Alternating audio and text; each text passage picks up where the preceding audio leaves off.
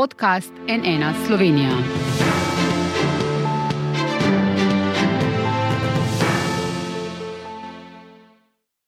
Dober dan, to je NN studio. Ali država po propadu Adrije res potrebuje novega letalskega prevoznika?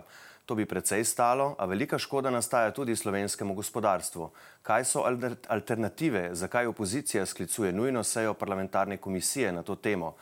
In glede na to, kdo sta naša današnja gosta, ali obstajajo kratkoročni ukrepi za umiritev trenutnih prometnih zamaškov v Sloveniji, kaj lahko vlada sploh naredi. Z mano v studiu je ministrica za infrastrukturo Alenka Bratušek. Dobar dan, dobrodošli. Dobar dan. Prek video povezave pa je z nami prejšnji minister za infrastrukturo, zdaj poslanec Nove Slovenije in predsednik Komisije za nadzor javnih financ, Jarnej Vrtovec. Dobar dan, pozdravljeni. Pozdravljeni. Upam, da bo povezava stabilna držimo pesti, če ne bomo pa kakšno stvar ponovili, se nič hudega, a ne samo, da se razumemo, gospa ministrica, začela bova pa midva 1. junija, to je zdaj že mesec nazaj, ste napovedali, da boste šli na vlado po mandat, da nadaljujete z analizami o smiselnosti ustanovitve nacionalnega letarskega prevoznika. Ta mandat ste dobili dokaj hitro. Kaj je bilo vmes narejenega v smeri morebitne ustanovitve novega letalskega prevoznika? Um, najprej želim povedati, da se na Ministrstvu za infrastrukturo pravzaprav um, ukvarjamo z boljšo povezljivostjo uh, Slovenije in to ni izključno ustanovitev novega nacionalnega prevoznika. Uh -huh. Mi smo že objavili razpis za subvencioniranje novih uh, linij, novih povezav Ljubljane z ostalo Evropo. Roko na srce tukaj odziva na naš prvi poziv ni bilo ravno uh, veliko. Uh, ta teden oziroma uh, v začetku julija obna, uh, objavljamo ponovn uh, poziv in novembra še enkrat in tam tudi pričakujemo nekoliko boljši odziv, kot je bil na uh, prvem klicu ali pa uh, pozivu. Uh, druga stvar, naredili smo dve uh, ogromni, uh, dva, veliki študiji. Eno, ena se nanaša na število ljudi, oziroma zelo jasno pokaže, kakšno je gibanje potnikov na ljubljanskem letališču in tudi kam so se ti potniki preusmerjali. In druga, ki v bistvu temelji. Na teh potnikih, ekonomska analiza, ki pa jasno pokaže, da naša država zaradi slabe povezljivosti izgublja več 100 milijonov evrov eh, letno. Tako da jaz mislim, da je vlada pravzaprav primorana ukrepati, eh, ampak kljub temu, da mediji, bom rekla, govorite vedno znova o ustanovitvi novega prevoznika, nismo še tam. Absolutno še nismo tam in na mizi vlada še nikoli ni imela odločitve o tem, ali gremo v ustanovitev novega prevoznika ali ne. Ministrstvo za infrastrukturo in jaz kot ministrica smo pa na vladi res uh, dobili mandat, da z delom nadaljujemo v luči izboljšanja povezljivosti naše države. Pa ste takrat pred enim mesecem rekli, ne, da boste preverjali pravne podlage, pa interes pri strateških partnerjih, tudi mnenje Evropske komisije, ne na zadnje, bo, če se bo šlo v to ustanovitev, zelo pomembno. Ste vmes dobili kaj od tega? Ste kaj preverili? Abs kaj absolutno bo vse, kar ste naštel zdaj, uh, zelo pomembno in tudi soglasja Evropske komisije. Vkolikor se bomo odločili, še enkrat podarjam, vkolikor se bomo odločili, ne bo enostavno dobiti.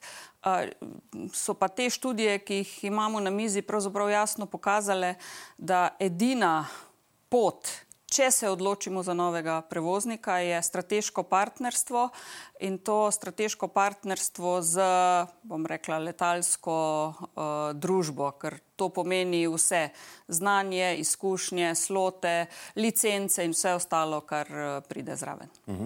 -huh. Dobro, gremo še k vam, gospod Vrtovec. Vi ste v bistvu zahtevali sklic komisije za nadzor uh, javnih financ, to komisijo tudi uh, vodite. Kaj pričakujete od vlade, da vam na tej seji uh, predstavi, kateri podatki konkretno vas zanimajo?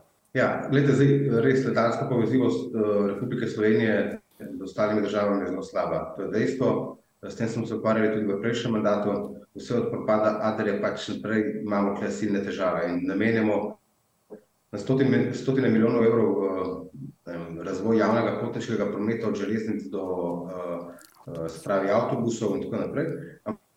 Ampak na drugi strani imamo res, kar se tiče letalstva, uh, katastrofalno stanje. Na Komisiji za nadzor javnih financ pa želimo mi zlasti slišati študijo, ki jo je pripravil Jožef Padamjan, s katero je bila soočena tudi vlada. Pogled, kakšni so to, torej te finančni vložki, v katere bi vlada, ali pa na podlagi te študije vlada namerava, bi nameravala iti. Zagotovo pa želim poudariti eno stvar, in sicer, da ustanovitev letalskega prevoznika brez sodelovanja kakšnega strateškega partnerja, ki ima bogate izkušnje na tem področju, torej govorimo o operaterjih, je v bistvu bi bila napaka, ne. Ne govorimo o tem, da smo a priori proti v Novi Sloveniji, ampak da naredimo te korake zelo premišljeno, zlasti tudi v luči javnofinančne vzdržnosti.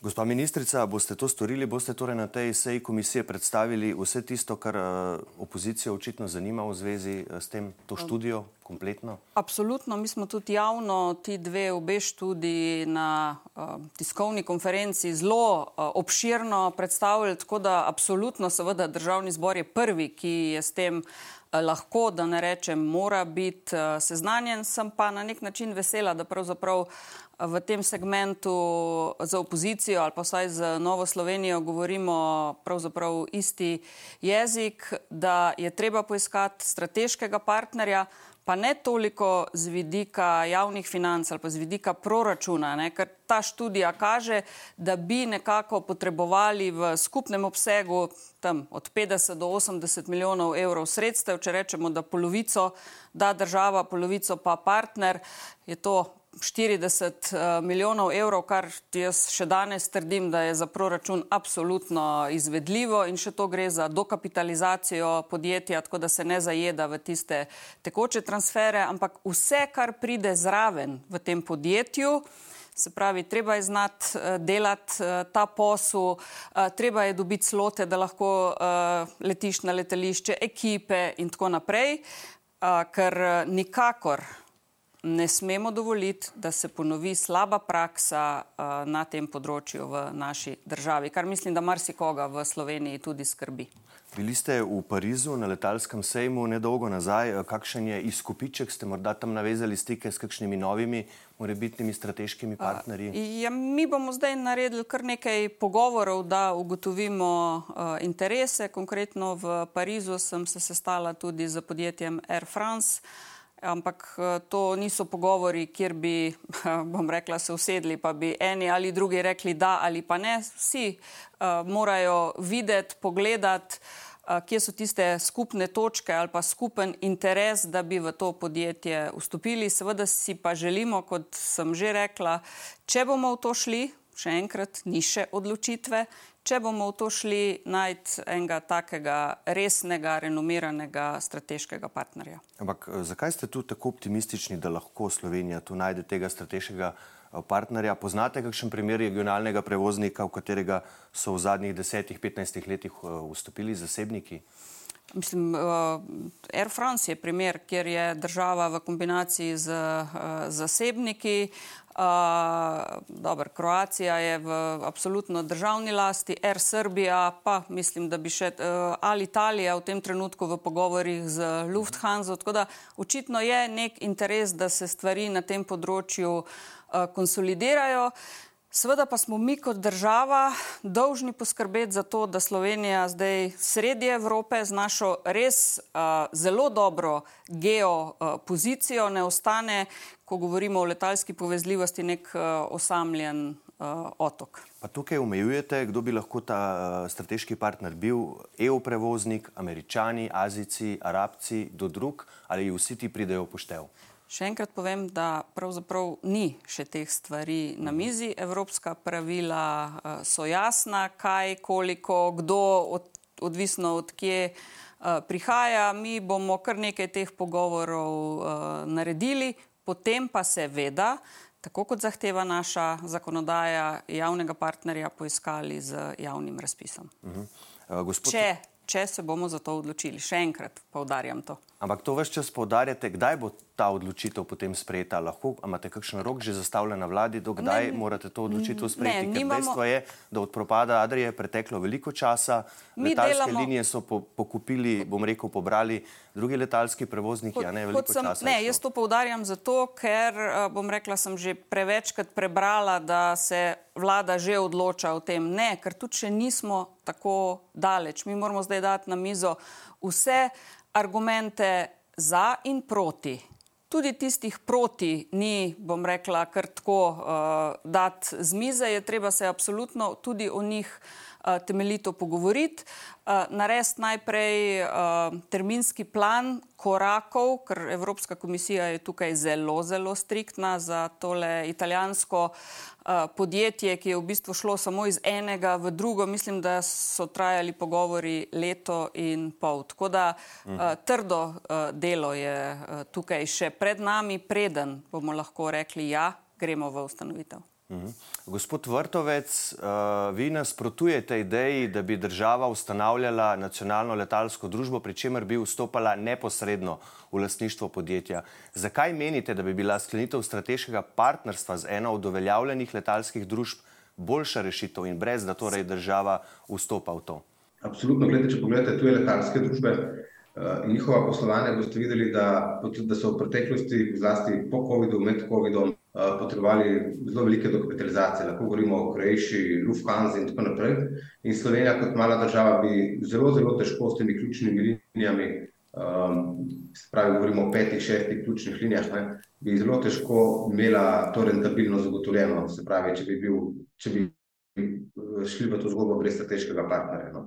In um, tukaj je pač zelo pomembno, da se lahko s strateškim partnerjem uh, lahko zagotovi absolutno boljšo povezljivost, kar potrebujemo, in tudi dobro finančno poslovanje. Uhum. Ampak eh, vi ste imeli že, ko ste bili vi minister, na mizi eno ponudbo, pa se takrat s tem ni zgodilo nič. Zakaj ne? Drži, mi smo imeli strani Lufthansa oziroma strani eh, pač njihovega podjetja, to je Dolomiti, uh, smo imeli eno ponudbo, zdaj koliko je bila ta ponudba resna, in tako naprej, da mi nismo šli takrat še niti v same pogovore ampak uh, imeli smo, da bi se lahko vzpostavilo 5-6 ključnih linij, operater bi bil v bistvu Lufthansa oziroma Dolomiti, vse bi bilo sicer v barvah države in tako naprej, tudi službenci bi lahko imeli, pač bi bili slovenski državljani, piloti in tako dalje.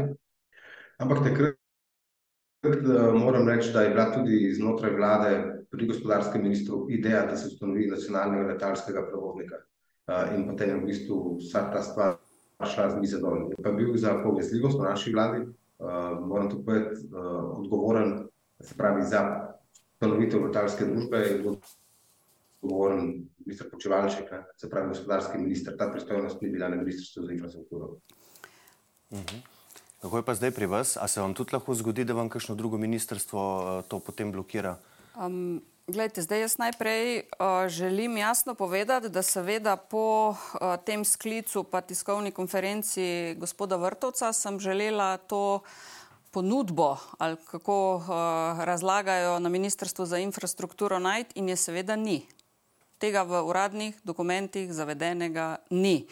Ne vem, kako so se pogovarjali, ne vem, kdo je te ponudbe dajal. Uh, našli smo, in to isti sodelavci, še vedno so isti sodelavci, kot jih je imel uh, ministr Vrtovec, našli smo nekaj uh, zapisnikov, nekaj opomnikov in v enem od teh opomnikov, ki so jih pisali tudi naši sodelavci, strokovnjaki za letalstvo, je zapisano, da ta ponudba, ki je nimamo, Uh, pač uh, ne, ne bi bila tudi uh, ugodna za uh, Slovenijo. Tako da kdorkoli ima kakršnokoli stvar uradno od teh prevoznikov, absolutno dobrodošlo, da nam posreduje in mi bomo z velikim veseljem se odzvali na uh, vse stvari, ker se prevozniki zdaj tudi kar sami, uh, bom rekla, z maili obračajo na nas, ko berejo, uh, da pač uh, imajo določene interese. In tukaj še enkrat povdarjam, da me veseli, da smo na isti strani, ker tudi mi vse skozi govorimo, da brez strateškega partnerja je pa to res ne nemogoče in v to nikakor ne, ne bi šli. Ampak oni nasprotujejo, da bi država sploh vstopala v lastništvo. Ne? Jaz jih ne razumem, tako ker strateški partner je točno to. Strateški partner je partner v eh, podjetju, lahko imenujemo za strateškega partnerja tudi tistega, ki dobi uh, subvencije, uh, ampak jaz mislim, da, da enako razumemo. No? Skratka, strateški partner pomeni partner v uh, podjetju. Gospod Vrtovec, ali vi torej enako zdaj razumete z gospod ministrico, kaj je to strateški partner, ali država vstopa v to podjetje ali ne? In kaj pravite, pravi ministrica, da na ministrstvu v resnici niso našli tiste ponudbe, o kateri govorite, da samo nek opomnik ali nekaj takega? Gledajte, mi dobili smo se za ponudbo, sem pa dejal, ne, da se v bistvu še nismo niti začeli pogovarjati v tem primeru z Lufthansa, da bi z Dolomiti uh, kot operaterjem lahko izpeljali uh, celotno zgodbo. Je bila pa zgodba absolutno zanimiva za začetek pogovorov. Kot sem dejal, takrat ni bilo, uh, takrat je bil še vedno interes, da se ustanovi državno letalsko družbo uh, strani Ministrstva za gospodarstvo. Ne povem tudi, da je bilo zaradi tega tudi v Recovery Fundu predlog, ne, da se dobi tudi evropska sredstva za to, ker je potem Evropska komisija uh, uh, zavrnila. No, ampak kar se pa tiče, kar se pa tiče in vseh teh stvari, gledajte, mi smo enako kot verjamem, da zdajšnji uslužbenci na ministrstvu in ministrica zelo, zelo se trudili v tistem zahtevnem času povedati, da bi izboljšali letalsko povezljivost ne, da bi lahko kdorkoli prišlo, ne, ne samo Ljubljano, ampak imamo tudi letališče Maribor, v bistvu Sameva. Ne. In imamo mogoče potencial da ga lahko razvijamo tako v Ljubljani kot v Mariboru. Je pa res, da tukaj bi rad izpostavil eno drugo pomembno stvar in sicer nizkocenovnike, ne, se pravi nizkocenovni uh, prevozi, kot so Ryanair, EasyJet, EasyAir in tako naprej. Te Slovenijo so tej zobšli, kar jaz obžalujem, tukaj so bile napake narejene pred desetimi leti ali več, da v bistvu nismo postopili na ta način, kot primer sosednja Hrvaška, ko veliko namenja tudi finančnih sredstev na, na ta del, da zagotavljajo prevoze turistov, nizkocenovci iz v bistvu uh, cele Evrope, po naprimer Hrvaške Dalmacije. Ne. Se pravi, tukaj imamo še priložnost, da se bi provali nazaj, uh, se pravi, postaviti na tirnice glede nizkocenovcev in zagotavljanje povezljivosti tudi skozi, uh, tudi skozi njih. Ne. ne samo skozi letalske družbe z partnerjem. Sem pa vesel tega, da v bistvu vlada razmišlja v bistvu tukaj podobno. Ne, ne samo stojna letalska družba, ampak v bistvu strateški partner.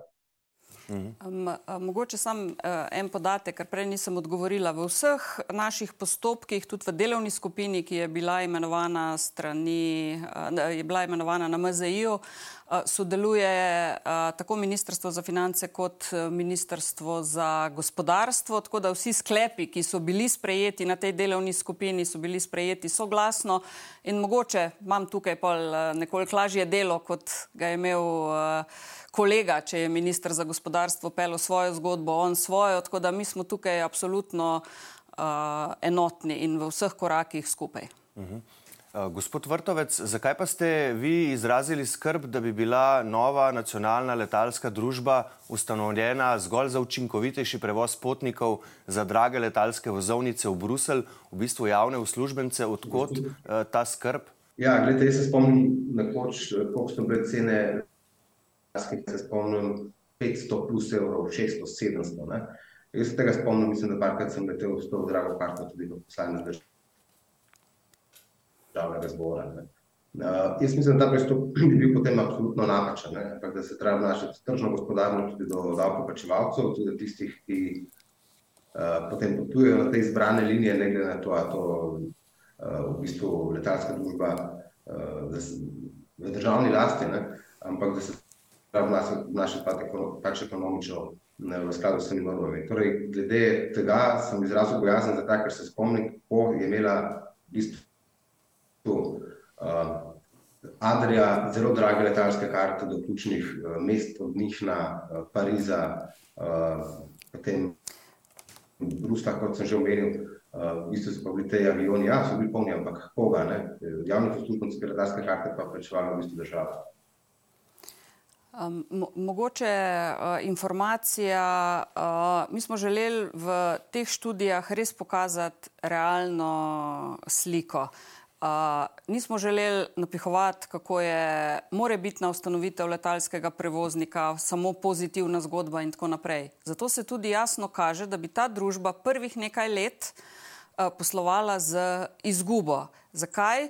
Zato, ker smo v projekcijah upoštevali, zdaj sem se spomnila tega, kar je, uh, je gospod Vrtovec omenil, povprečna cena vozovnice, kupona, bi je v naših izračunih upoštevana 134 evrov in povprečna zasedenost letala 64 odstotkov, kar pomeni, da smo pri teh številkah si upam trditi uh, na varni strani. Skratka, da se zgodba ne more potem uh, zapeljati slabše, kot smo mi uh, v teh trenutkih predvidevali. In 134 evrov pa jaz mislim, da v današnjih časih uh, je kar Eh, razumna cena. Seveda to ne pomeni za vse, pa na vseh letih, to je povprečen, uh, povprečna vrednost kupona. No, ampak če boste, imeli, če boste dobili strateškega partnerja, ne, uh, verjetno bo tudi on imel kaj besede pri tem, kakšna bo cena letalskih vozovnic. Ne, ni nujno, da bo potem A, tako. Absolutno in zato, ker te partnerji poznajo posel, vejo, kako se to dela, sem prepričana, da uh, ne bodo želeli uh, poslovati z uh, izgubo.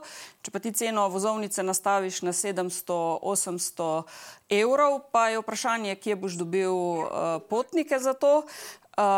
Je pa dejstvo, to je pa tudi treba povedati, da ko danes. Um, Državni ali pa javni uslužbenci potujejo v Bruselj, morajo zato, ker so slabe povezave, enkrat ali dvakrat prespati v hotelu, kar pa enako obremenjuje uh, proračun oziroma javno blagajno. Ja, pa še čas, uh, ki tudi ni za ston, gre. Mm, tu ste enkrat rekli, da pač vsaj en jutranji let tja in večerni povratni let, ne, da to bi bilo. Tako nekako... je bilo in mislim, da so bili to, uh, te leti res uh, bolj zasedeni in uh, ta je bila ena od bolj rentabilnih prog Adrije. Kaj pa uh, letalska družba Amelija, ki je v bistvu registrirana v Sloveniji, pogovori z njo, neki so, ima 19 letal, ne, to je recimo več kot jih ima Hrvaška uh, letalska družba, leti pa zunaj za francoze. Ne, uh, za Air France. Ja. Tudi da, a dogovor z njimi ni možen. A, nismo še tako daleč, da bi se z vsemi, vsakimi,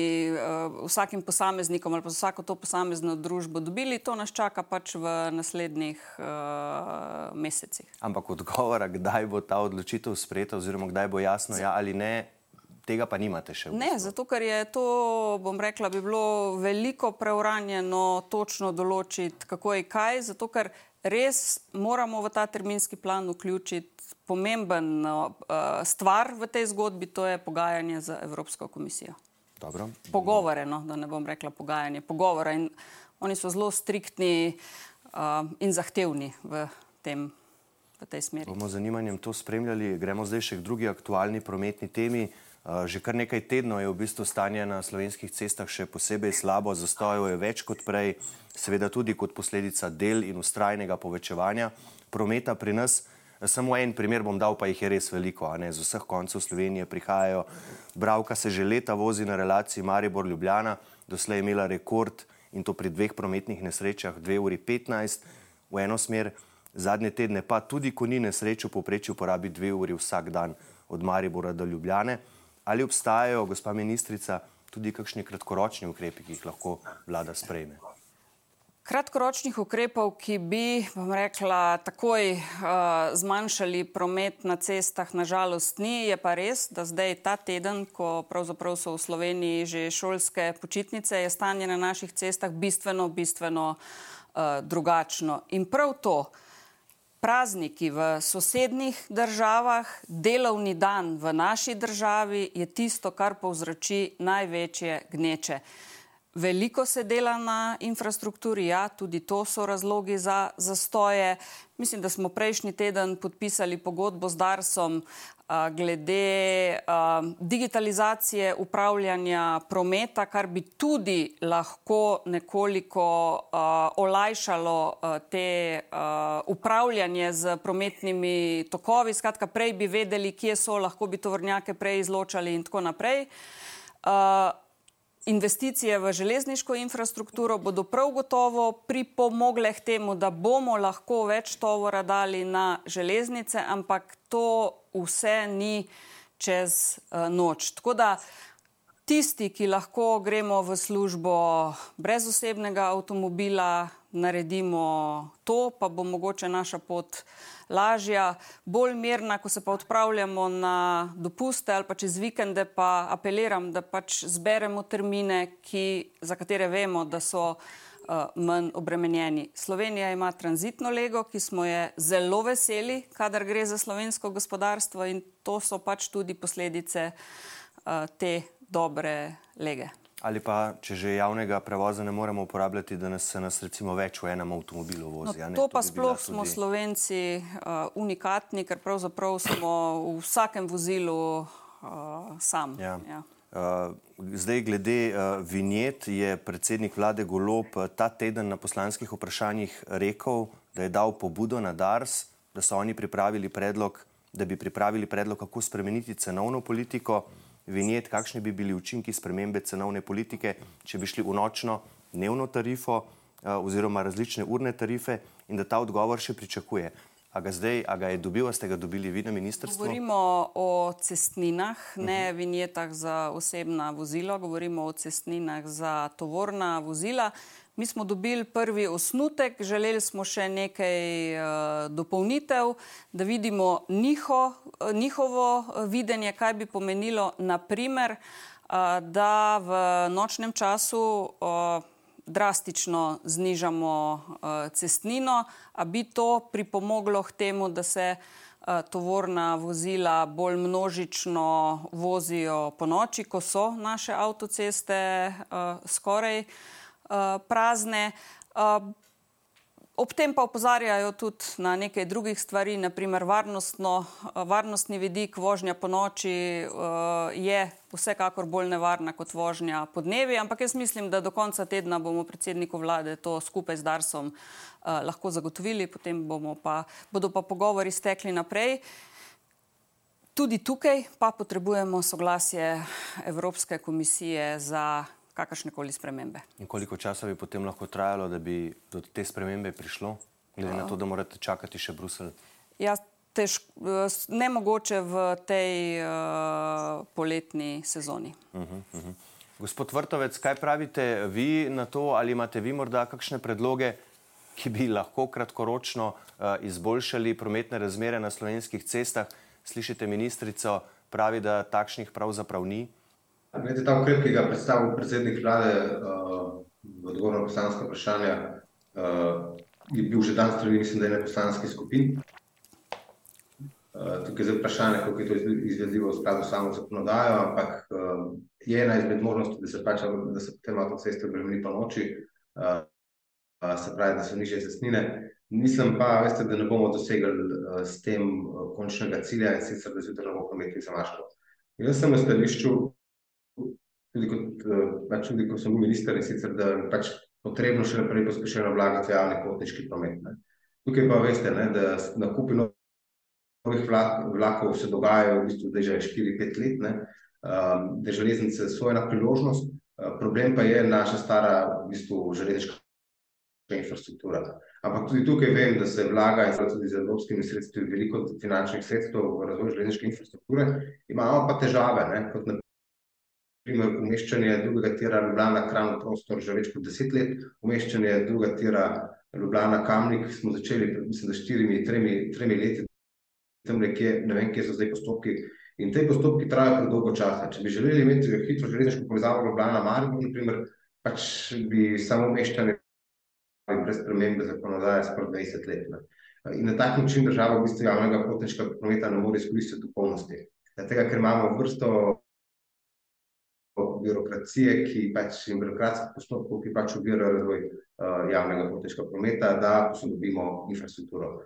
Kar se pa tiče še ene pomembne stvari. Vete, zelo hitro bi lahko prišlo do tretjega pasu med uh, domžaljami, naprimer, pa uh, med domžaljami pa Ljubljano. Tam pa vem, da je prišlo do presoje vplivu na okolje, lahko bi se gradnja že začela kot državna dela v javno korist, pa v bistvu je bilo nekaj politikov in sedaj ne, smo sredi postopkov, ki so vplivali na okolje, ki pa veste, da spet en postopek v tej državi, ki traja zelo dolgo časa. Jaz mislim, da tretji pas bi rešil uh, uh, določene zagate. Največ zagat, ne, uh, to pa ni kratkoročno ukrep, zagotovo ne, uh, pa je decentralizacija Slovenije. Preveč ljudi se vozi v Ljubljano, v delovno mesto, če bi imeli skladen regionalni razvoj, bi bila kakovostna delovna mesta tudi drugod po Sloveniji bi se lahko v bistvu um, s tem tudi zmanjšal seveda pritisk na samo mestno, na samo mestno uh, in po samih odpadnicah.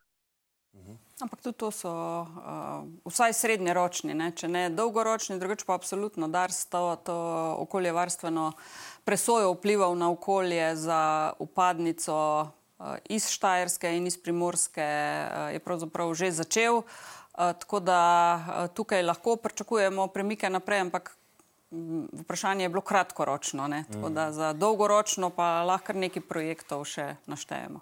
Ja, zdaj, eh, kar se tiče umeščanja v prostor, je seveda tu eh, drugo ministrstvo, a ne za naravne vire in prostor, gospod Bržan pa celotna vlada. Absolutno, Absolutno celotna vlada, ja. Eh, zdaj, ali bi bila, gospa ministrica, dokler je stanje takšno, kot je, morda smiselna ponovno vzpostavitev avtocestne policije? Uh, preverjanje ali pa nadzor na avtocesti je absolutno dal uh, določene rezultate, tako da v mojih očeh je to, ta uh, korak absolutno smiselen, uh, ne pa izpeljan na način, kot je bil izpeljan pod uh, prejšnjo uh, vlado. In z ministrom za notranje zadeve sva v pogovorih. Uh -huh da v bistvu oblika nadzora na avtocestah ostane strani policije. Treba bo najti samo zakonito in takšno, kot se v bistvu lahko izvaja. Prejšnja vlada je pa tukaj mogoče malo rokohitrsko poskrbela za določene stvari, ki niso bile narejene tako, kot je treba. So pa rezultati na področju varnosti bili vidni. Mhm. To je pa dejstvo. Torej, če prav razumem, pogovori z notranjim ministrom o tem so, ampak ni zdaj to ne pomeni, da boste šli ponovno ustanavljati. Vse uh... v bistvu ni pomembno, kako se temu mhm. reče. Pomembno je, da so policisti tam, kjer uh, morajo biti. Mhm. Dobro, bomo seveda tudi to z zanimanjem spremljali. Gospa ministrica Alenka Bratošek, najlepša hvala, hvala. da ste bili gostja NN studio. Hvala za vabilo. In seveda lepo zdrav tudi bivšemu ministru, zdaj poslancu Nove Slovenije, Jrneju Vrtovcu da je zdržal z nami. Hvala lepa in lepo zdrav. Najlepša hvala, da še enkrat doporočujem povezava, res ni stabilna in sem zelo veliko daje prestižo. Razumljivo, brez problema. Hvala pa seveda tudi vam za vašo pozornost. Spremljajte še naprej našo spletno stran nnainfo.si, kjer sproti objavljamo vse informacije tudi o prometnih zastojih v državi. Iz studija pa le še lepo zdrav in nasvidenje.